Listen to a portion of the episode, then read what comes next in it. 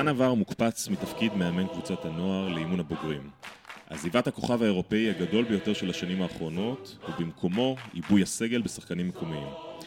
האם זו הקבוצה ההיסטורית של מסי, איניאסטה וצ'אבי? או שמא זו קבוצת הכדורסל של ברצלונה בעידן פוסט מירוטיץ' ושרס? אוקיי, אה, אז אנחנו עם אה, פרק אה, חדש לקראת המשחק של מכבי תל אביב נגד ברצלונה בשבוע.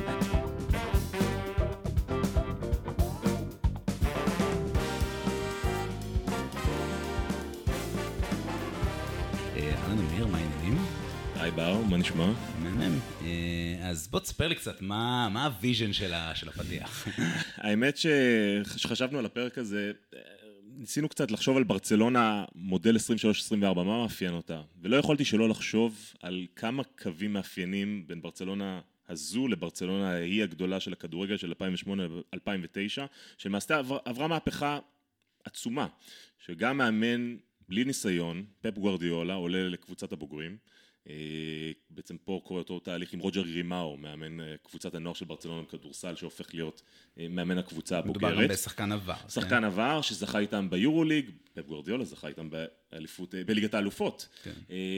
השחקן הכי משמעותי שהיה בקבוצה בשנים האחרונות, מירוטיץ' עוזב, באותה קבוצת כדורגל זה היה רונלדיניו, שהיה השחקן הטוב בעולם. כן, היה קצת חפיפה בין רונלדיניו למסי, נכון? בברצלונה? לא ארוכה? נכון, נכון, ובאמת זה היה מעבר בעצם של להסתמך על שחקנים מקומיים, אינייסטה, צ'אבי הובילו ביחד עם מסי, מסי אמנם ארגנטינאי, אבל מקומי בהוויה שלו בברצלונה. כן. אה, וגם כאן יש הרבה מאוד שחקנים ארגנטינאים בברצלונה כדורסל. האמת שיש שחקנים, נכון, יש לנו את לפרוביטולה, אה, ובאמת שחקנים ספרדים מקומיים שהם הביאו השנה, אה, הרנן גומס, פארה, אנחנו נדון בכל זה.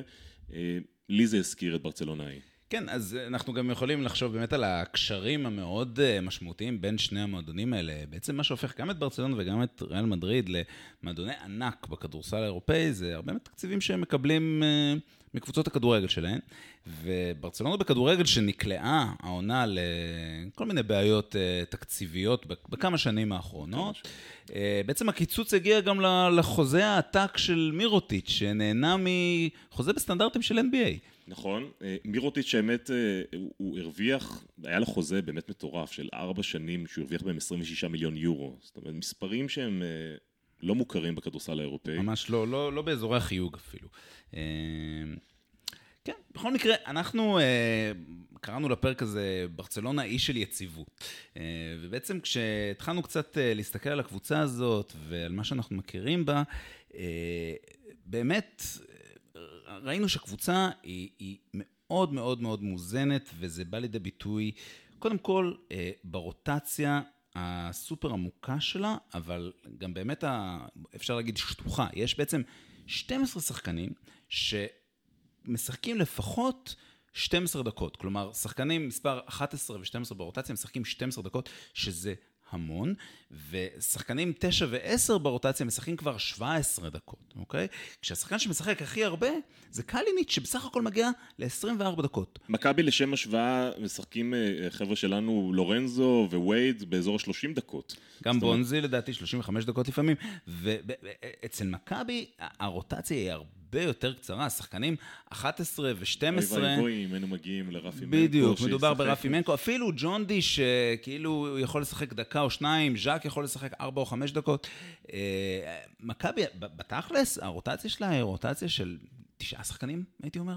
כאילו, אה, אז אה, באמת אנחנו מדברים פה על קבוצה שהיא נשחקת הרבה פחות על מערכת מאוד מאוד משומנת. עכשיו, עוד נתון מאוד משמעותי בעיניי כאן, זה שכל אחד משחקני החמישייה, אה, הוא מחזיק בלפחות 10 נקודות מדד בממוצע למשחק, למעשה בין 10 ל-15, שזה הרבה מאוד, כלומר החמישייה הראשונה של ברצלונה היא מאוד מאוד מאוד יעילה, אפקטיבית ודומיננטית, אה, כן, מבחינה סטטיסטית. לגמרי. עכשיו, ברצלונה של השנים האחרונות, כאילו, הייתה קבוצת פיינל פור אה, די קבועה.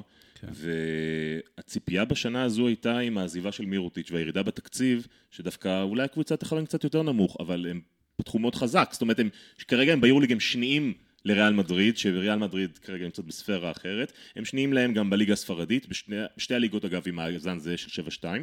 אה, ריאל בלי הפסדים השנה, אבל עליהם נדבר אה, בעתיד. בשבוע ו... הבא. אבל אה, בכל זאת, אם בעונה שעברה ביורוליג, אז ברצלונה וריאל היו שתי הקבוצות שהן מעל הליגה, לפחות על הנייר, במהלך העונה שעברה אולימפיאקוס הצליחה לעקוף את שתיהן בעונה הסדירה. אז העונה הנוכחית, אנחנו באמת רואים שריאל היא פשוט מדרגה מעל, מתחת לזה יש את ברצלונה, ואחר כך יש כל מיני קבוצות, ביניהן גם מכבי, גם וירטוס בולוניה, אה, גם ולנסיה, אה, כאילו... אולימפיאקוס, פנתנאיקוס, כן, יש... מונאקו, כאילו יש שם במרכז טבלה צמרת גבוהה, כאילו תמונת הפלייאוף, הרבה מועדונים שמשחקים חזק ומרגישים יחסית שקולים ושוויוניים. נכון. אה, מעליהם ברצלונה וריאל מדריד איפשהו בשחקים למעלה עם באמת סגל שהוא... בלתי נגמר. ממש. אבל בסדר, נתמקד באמת בברצלונה. נכון, אז... אז... ממש בקצר, בקצרה, אמ, בשבוע, בצמד מחזורים האחרונים בעצם, שהיה שבוע כפול, אמ, ברצלונה חטפה בתחילת השבוע טרחה רצינית מהיריבה הספרדית שלה מבסקוניה. ביורוליג. ביורוליג, כמובן אנחנו מדברים על היורוליג, עם 94-71. אחרי זה ברצלונה אה, הצליחה בעצם לחזור ולנצח את עוד קבוצה ספרדית, את ולנסיה, 74-70, במשחק די טיפוסי של ברצלונה. כן, אה, גם די טיפוסי של ולנסיה, כן? אה, המשחקי סקור נמוך האלה מאפיינים את, אה, את שתי הקבוצות. אנחנו ניגע בזה בהמשך, אבל ברגע שברצלונה מצליחה ככה להוריד את... ברצלונה היא קבוצת הגנה נהדרת, אנחנו באמת נדבר על זה בהמשך, היא מנטרלת את היריבה שלה, באמת מתמחה בזה, פשוט להוציא את תוכנית המשחק שלך, לקחת אותה, לדחוף אותה לתוך הבוידם, כאילו היא פשוט מנטרלת לך את תוכנית המשחק, שומרת את היריבות שלה על, על סקור נמוך. אה, וכשהם מצליחים לעשות את זה, אז הם בדרך כלל מנצחים. כנראה שלבסקוניה, משחק שאני לא ראיתי אותו, האמת, אבל כנראה ששם זה, זה פחות עבד. אה, אז בואו נדבר שנייה על אה, מי שכבר לא עושה את זה בברצלונה. ציינו אותו ממש בקצרה, את מירוטיץ', באמת ציינו אותו בהקשר של, של מילאנו כפריך הראשי. אז מירוטיץ' באמת עבר, עזב עם החוזה העתק שלו שנגמר, האמת שהוא לא סיים אפילו, החוזה היה אמור להיות כן, הם, הם חתכו את זה קצת. והם חתכו אותו, אה. היה שם, שם סיפורים, עזב למילאנו, כרגע הוא פחות ענייננו, עזב גם שנלי. שבעצם הגיע לפנר, שהוא כרגע פצוע ולא משחק כל כך הרבה, וקורי היגינס. כן. עכשיו לדעתי, חשוב להתמקד פה, העזיבה של מירוטיץ' ושנלי, בעצם מה שאפיין מאוד את ברצלונה זה שהגבוהים שלה היו עם יכולת כליאה מאוד מאוד גבוהה. אה, וכן, בעצם אנחנו... אה, הם הולכים בעצם על קונספט אחר למעשה, אה, ברצלונה, על משחק שהוא קצת יותר מבפנים, אנחנו גם נראה את זה בנתונים, הרבה מהקליעות הן באזור הצבע. כן. עם שחקנים גבוהים. גבוהים כבדים, מתבססים גם יותר על יאן וסלי. נכון, שבעונה שעברה הוא היה ככה, לא יודע, הייתה לו איזו עונת קליטה בברצלונה, ובינתיים הוא, הוא פתאום הופך להיות שחקן... הוא מזכיר את וסלי הישן והטוב. בדיוק. לגמרי. עכשיו, מהחבר'ה שנשארו, השחקנים המובילים, אז יש לנו את ניקולה קליניץ', שדיברנו עליו שהוא מוביל במספר הדקות. אולר שוויצרי, שחקן פאוור uh, פורוורד, uh, יגוסלבי מהזן הישן, קשוח, שומר, קולע, משחק עם הגב לסל. Uh, באמת אתגר אה, עומד להיות לבונזי קולסון בעמדה הזאת. Okay, אוקיי, אז יאן וסלי הוא השחקן המוביל בברצלונה מבחינת נקודות מדד וגם נקודות פר משחק. כן, זה בהחלט מאוד מאוד מרשים. אה, לפרוביטולה, אה, מבחינת הרכזים, אנחנו עכשיו נעבור לדבר על שלושה רכזים, לפרוביטולה, סטורנסקי ויעקובייטיס. אה, בדרך כלל לפרוביטולה משחק בעמדה, בעמדה שתיים, הבחור המסופם והלא גבוה במיוחד, עם אחוזי כליאה מרשימים מאוד. אה, מחוץ לקשת, ויכולת אה, להוביל את הכדור, וזה כשהוא משחק לצד סטורנסקי, שהוא הרכז הפותח, הגיע מהוויזרס לברצלונה לפני עונה, אה, הרכז הצ'כי גבוה מאוד, יכולת מסירה וקריאת משחק פנומנלית. אחד הרכזים שאני הכי אוהב לראות משחק, באמת גם בתקופה שלו בוויזרדס עם דני, זאת הייתה תקופה נהדרת לראות את דני משחק ליד שחקן אחד נורמלי. אמרת את זה בלי תסכול. טוב, תשמע, אין מה לעשות. אה, וגם יוקובייטיס שלדעתי זכה בשחקן הצעיר המבטיח של היורוליג בעונה אחת לפני ים מדר. הוא שחקן שהוא הגיע בעצם typecast של שרס קצת, לא? הוא גם כן. הגיע לקבוצה של שרס, אבל הוא לא בדיוק הוכיח את עצמו כשרס המודרני. והשחקן האחרון שאנחנו נרצה לגעת בו ממש בקצרה זה אה, אלכס אברינס. כן. אה, ספרדי, שוב, אה, שחקן שמאוד אוהב לפגוש את מכבי, תמיד לתפור לה כמה שלשות ככה יפות על הפרצוף. כן, גם משחק בין עמדה 2 לעמדה 3, יותר בעמדה 2. עכשיו, מי החבר'ה שהגיעו? אז באמת, בעמדת המאמן, אה, דיברנו עליו ממש בפתיח בקצרה, רוג'ר גרימאו, בעצם שעלה מקבוצת הנוער של הקבוצה. החתמה מפתיעה אחרי שרס בעצם, שמאמן נכון, בפרופיל ש... מאוד מאוד גבוה שהוביל את הקבוצה בשנים האחרונות. הייתה ממנו הרבה מאוד אכזבה, אני חושב, משרס. נכון, והם החליטו ללכת על אה, מאמן מהבית בעצם, מאמן אה, שהם מכירים, מאמן שמכיר את ה-DNA של הקבוצה. עכשיו, חוץ מזה, שחקן שהגיע שהוא... בעיניי היה סימן שאלה מאוד גדול, זה ג'בארי פארקר, שבאמת אה, היה בחירה שנייה בדראפט 2014, אבל בשנים האחרונות כמעט לא משחק ב-NBA, לא שחק ב-NBA. בדיוק, זה קצת מריח כמו דרק וויליאמס ואנטוני בנט. אנטוני בנט שהיה בהפועל ירושלים. כן, כל הבחירות הגבוהות האלה בדראפט, שמשהו שם מתקלקל בדרך, נפלטים מה-NBA, לא באמת מוצאים את עצמם באירופה, אה, אבל בינתיים בברצלונה זה נראה אחרת לגמרי, לא? לגמרי. אה, כרגע, במהלך השנה הזאת, לג'בארי פארקר בעצם משחק, א', כמעט 20 דקות במשחק, והוא קולע לא מעט, קולע כמעט 10 נקודות, האחוזים שלו מהשדה יחסית גבוהים לעמדת הגארד פורוורד, אחוזי השלשות שלו הוא עומד על 38 אחוז לשלוש, זאת אומרת, הבן אדם... אה, הוא, הוא, הוא מראה שהוא שחקן ושהוא מהר מאוד הצליח להבין את הכדורסל האירופאי כי הוא כדורסל שונה, זה כדורסל שהוא הרבה יותר מצומ... אה, צפוף לא פתוח כמו ב-NBA, יותר קשה להגיע לסל, והוא בכל זאת מוצא את הדרכים לעשות נקודות. מה תקע אותו ב-NBA? מה היה הבעיה שם? אני, אני שמע, אני לא עקבתי אחריו מספיק בשביל לדעת, אני כן חושב שהנתון הזה שהוא שיחק כל כך מעט משחקים בשנים האחרונות, עצם היותו פציע אה, סדרתי, גרם לזה שהוא לא יכול להיכנס לקצב, ופשוט נפלט מהליגה הזו. כן, הוא שחקן, גם שווה טיפה להתעכב על הנתונים הפיזיים, זה כמו אה, בונזי קולסון לעשירים, נכון? אה, כאילו... לגמרי. לא גבוה מדי, 2.01, מין בין small forward לפאוור forward, אבל מאוד מאוד מסיבי, נכון? כבד. כמה הוא שוקל? אה, ג'בארי פארקר, אה, חתיכת מסה, 113 קילוגרם לשני המטרים שלו ו-0-1, שזה שחקן סופר מסיבי. אז בינתיים זה נראה טוב. יפה. עכשיו, חוץ מזה הגיע בעצם ווילי ארנן גומז, אה, ה-MVP של אליפות אירופה בכדורסל שספרד ספרד זכתה בה. עם לורנזו בראון. לורנזו, נכון, האחים ארנן גומז. אני חושב שללורנזו הגיע להיות ה-MVP של האליפות הזאת. כן, אבל תשמע, אם ייתנו לשחקן אמריקאי זר באליפות אירופה, זה לא תופס. יפה, יש לנו את אה, דריו בריזואלה, שהוא בעצם מאותם ספרדים מקומיים שאנחנו דיברנו עליהם, שהגיע ממלגה, אה, וג'ואל פארה, שהוא בעונה שעברה בעצם שיחק עם בדלונה וניצח את הפועל תל אביב. אולי הוא בעצם מהצד שלנו, מהחבר'ה הטובים. אני לא נוקט פה עמדות נגד הפועל תל אביב והפועל ירושלים, את זה אני שומר לך. אז אנחנו נמשיך וניכנס קצת יותר לעומק עכשיו uh, לסטטיסטיקה, והנקודה הראשונה זה שברצלונה היא קבוצת ריבאונד הגנה מהטובות באירופה, uh, השנייה בעצם, uh, עם 27 כמעט ריבאונדים למשחק, אבל עם זאת הם מאפשרים יחסית הרבה ריבאונדים בהתקפה ליריבות. הם איפשהו באמצע, ביורוליג מבחינת. הנתון הזה, יריבות שלהם לוקחות עליהם כ-12 אה, ריבאונדים בהתקפה, אה, שזה מעניין, כאילו, מה אנחנו יכולים להסיק מהצירוף שני הנתונים האלה? אני חושב שיש פה נתון נוסף שאנחנו לא נגענו בו, שזה אוקיי, אמנם מבחינה מספרית, כמו שאתה אומר, עם 27 ריבאונדים במשחק, אבל אחוז הריבאונדים שנופלים אצלם הוא נמוך יחסית, הוא באזור ה-70 אחוז. ואם אתה לוקח את שני הנתונים האלה, אתה בעצם מבין שמשחקים מולם בקצב גבוה. זאת אומרת, יש הרבה פוזיישנים, קבוצות מנסות, יש הרבה זריקות מולם, ואז נופלים גם הרבה ריבאונדים לכאן ולכאן. עכשיו, זה מעניין, כי בעצם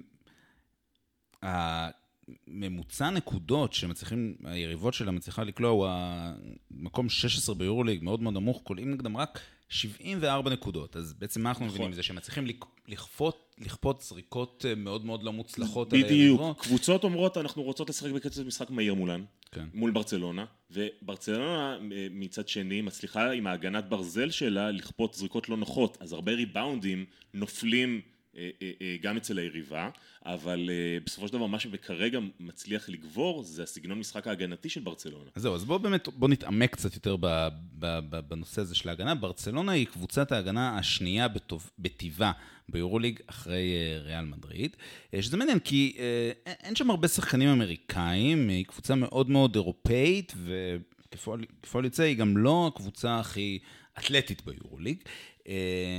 אבל כן אפשר לאפיין את, ה, את ההגנה שלה דווקא מתוך אה, הבנה של, של כמות העיבודים שמצליחים לכפות על היריבה, נכון? נכון, הקבוצה לא כופה הרבה עיבודים, אה, היא, היא סגנון הגנה שמאוד מאפשר. זאת אומרת, אם אנחנו יכולים קצת לראות שהסגנון הגנה לדוגמה של פנר במשחק האחרון הוא גם כזה שמאפשר והוא לא גורם להרבה עיבודים, ההגנה של ברצלונה היא הגנה נסוגה, הגנה לא אקטיבית, שהאמת...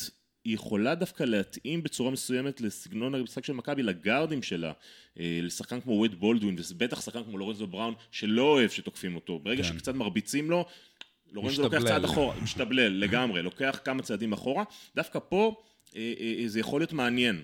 הסגנון משחק הזה, הסגנון הגנה הזה שאולי יאפשר דווקא למכבי, לגארדים שלה להתבטא. מצד שני, אמרנו שברצלונה מצליחה לתקוע את היריבה שלה פחות או יותר בכל הקריטריונים. אז אה, הם צריכים לשמור את היריבה שלהם על 74 נקודות, שזה הרבה פחות, כ-10 נקודות מהממוצע של מכבי. מכבי כשהיא מנצחת היא קולעת באזור ה-90 נקודות, כן?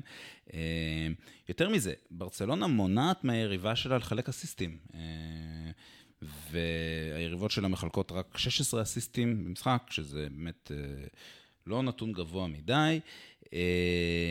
אחוזים מהשדה הם גם כן מאוד מאוד נמוכים, 48% מהשדה של היריבות. שזה עוד פעם אה, נגזרת, שזה מראה לנו שההגנה של ברצלונה מצליחה להביא את היריבות שלה לזריקות לא טובות. בדיוק.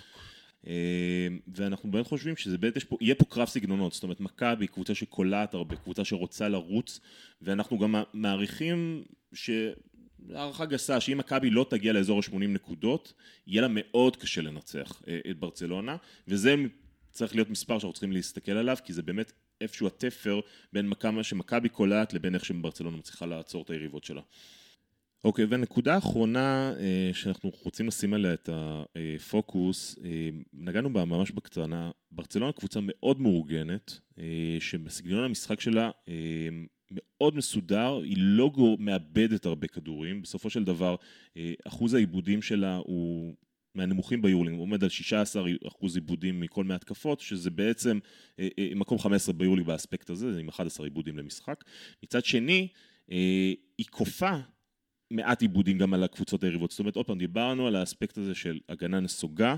אנחנו חושבים שהשילוב של שני הדברים האלו יאפשר לגארדים דומיננטיים, כמו לורנזו שאמרנו, משתבלל, שהוא מקבל קצת לחץ, לבוא לידי ביטוי. ו...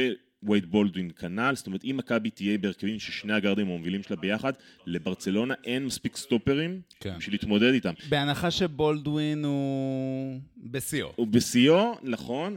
עכשיו יש להם את סטורנסקי שהוא גארד שומר שאנחנו מכירים אותו, אה, יש להם את אה, ניקולה קליניץ' שהוא שומר מצוין, כן, אבל אז... כן, קליניץ' שומר על השלוש. יפה, אה, אז, נכון, אבל אם הם היו משחקים עם שני גארדים, מכבי בלי בונזין לדוגמה, אז קליניץ' יכול, יכולים להסב אותו לשומר על עמדה מספר 2, וזאת תהיה נקודה מעניינת, כי אז מכבי תוכל לבוא בצורה יותר משמעותית בעמדה מספר 3. אוקיי, אז בעצם נשארנו עם המצ'אפ שלנו למשחק הזה. אז... אז באמת שחשבנו מה יכול להיות מצ'אפ רלוונטי למשחק הנוכחי, השם הראשון שלי עלה בראש בהקשר של ברצלונה זה, נושא, זה בעצם ווילי ארנן גומז, אה, כן. שנותן אה, באמת עונה נפלאה, והמצ'אפ שנראה לנו יכול להיות מאוד רלוונטי ומעניין זה מיודענו חסיאל ריברו. כן, דווקא ריברו שאומנם הוא לא הסנטר הראשון של, אה, של מכבי, אבל הוא נמצא במגמת עלייה. מאוד מאוד מאוד מרשימה, ואני חושב שהוא סוג של ברומטר של מכבי, בינתיים במשחקים שבהם הוא טוב, אה, מכבי מנצחת. לגמרי, האמת שגם ארנן גומז, שניהם עולים מהספסל. כן. הם לא פותחים בחמישייה.